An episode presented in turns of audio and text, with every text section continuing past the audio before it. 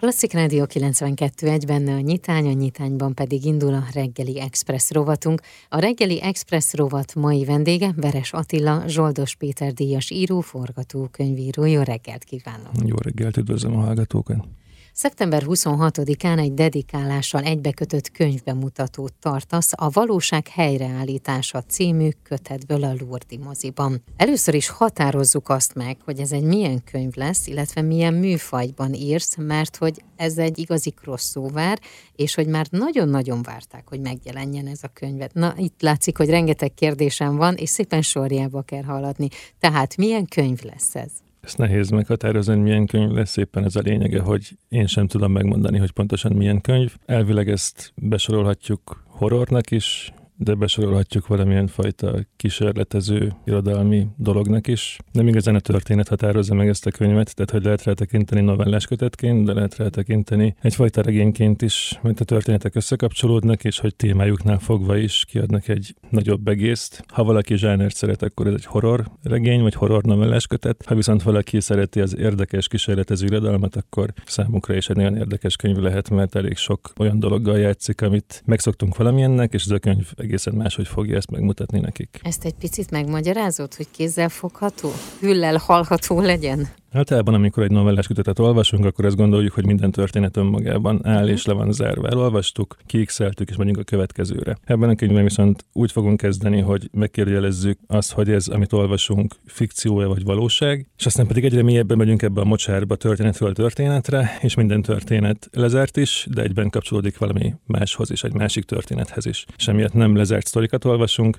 hanem egy átívelő történetet és témát. És a történet témája az, hogy hogyan erodálja el a társadalmat és a saját pszichénket, az, hogy folyamatos pánikban és félelemben kell élni. És ettől hogyan kezdjük el másként látni magunkat is, és a világot is magunk körül. És hogyan lehet az, hogy két különböző ember két egészen más világot lát vagy érzékel, és hogy erről nem tudnak beszélni. És igazából ezt két a... különböző mozit néznek? Pontosan. Uh-huh. Ugyanazt a dolgot nézik, de teljesen más lehetnek, teljesen más történetet látnak. És a könyv lényege az az, hogy ezt a ilyen módon széttört valóságot, ennek a darabjait megmutassa különböző nézőpontokon videón keresztül minden szereplővel empatizálva, de közben megmutatva, hogy mindenki milyen állapotban és ilyen szörnyűségben van. Ez iklette az elmúlt időszak, ami történt velünk, a Covid, az, hogy teljesen felborult minden, a mellettünk zajló háború, hogy úgy kell alkalmazkodnunk a jelenhez, hogy nem tudjuk, hogy mi lesz esetleg holnap vagy holnap után? Abszolút erről szól a könyv, igen, uh-huh. teljesen. Ez szinte soha nincsen benne kimondva, tehát hogy ezek olyan dolgok, amik nincsenek állítva a könyvben, de valóban ez határozta meg a könyvnek az írási folyamatát, hogy erről szerettem volna beszélni olyan módon, hogy ez ne legyen direkt, vagy valamilyen módon leegyszerűsített, hanem éppen az egésznek a mélyre akartam esni azzal, hogy a, azt vizsgálom, hogy hogyan változunk meg ettől belül,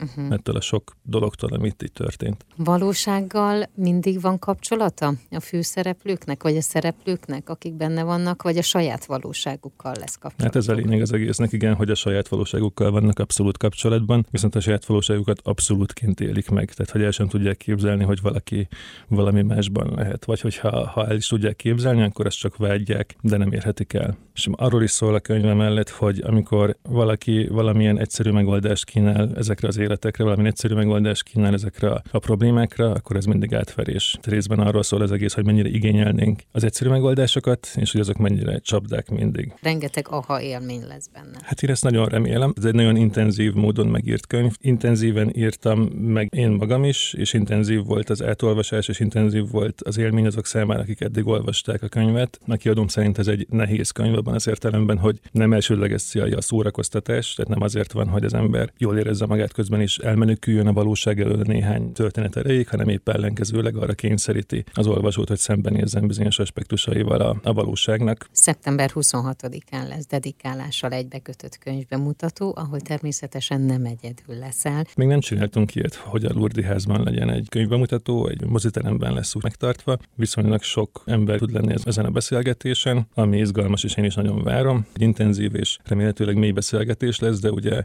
a beszélgető partnerem még csak most fogja megkapni a könyvet a nyomdából, amit uh-huh. még én sem kaptam meg a nyomdából, tehát ez egy utolsó pillanatos nyomdai teljesítés uh-huh. lesz. Várom, igazából ez az első, az a beszélgetés, ez az első reakció. Ja, valakinek, aki most olvassa a már elkészült nyomdából kikerült könyvet, úgyhogy ez emiatt nagyon izgatott is vagyok. A valóság helyreállítása egy héttel a szerző amerikai debütálása előtt jelenik meg a könyvfesztiválra. Hát azért ez is óriási dolog. Mind a kettő. A könyvfesztiválra megjelenés és az amerikai debütálás is. Igen, így van. Hatalmas öröm is számomra egyébként, hogy ez a két könyv egyszerre nagyjából egy héten jelenik meg, mert mind a kettő nyilván nagy mérföldkő számomra, meg mind a kettőt nagyon régóta várom, és szerettem volna, hogyha megjelennek, és így egyszerre jönnek ki, úgyhogy valami nagy ünneplés lesz ebből. Tehát könyvbemutató szeptember 26-án, ott azok kaphatják meg a könyvet, akik ellátogatnak oda, hiszen szeptember 27-én jelenik majd meg, és aztán a könyvfesztiválon is találkozhatnak veled.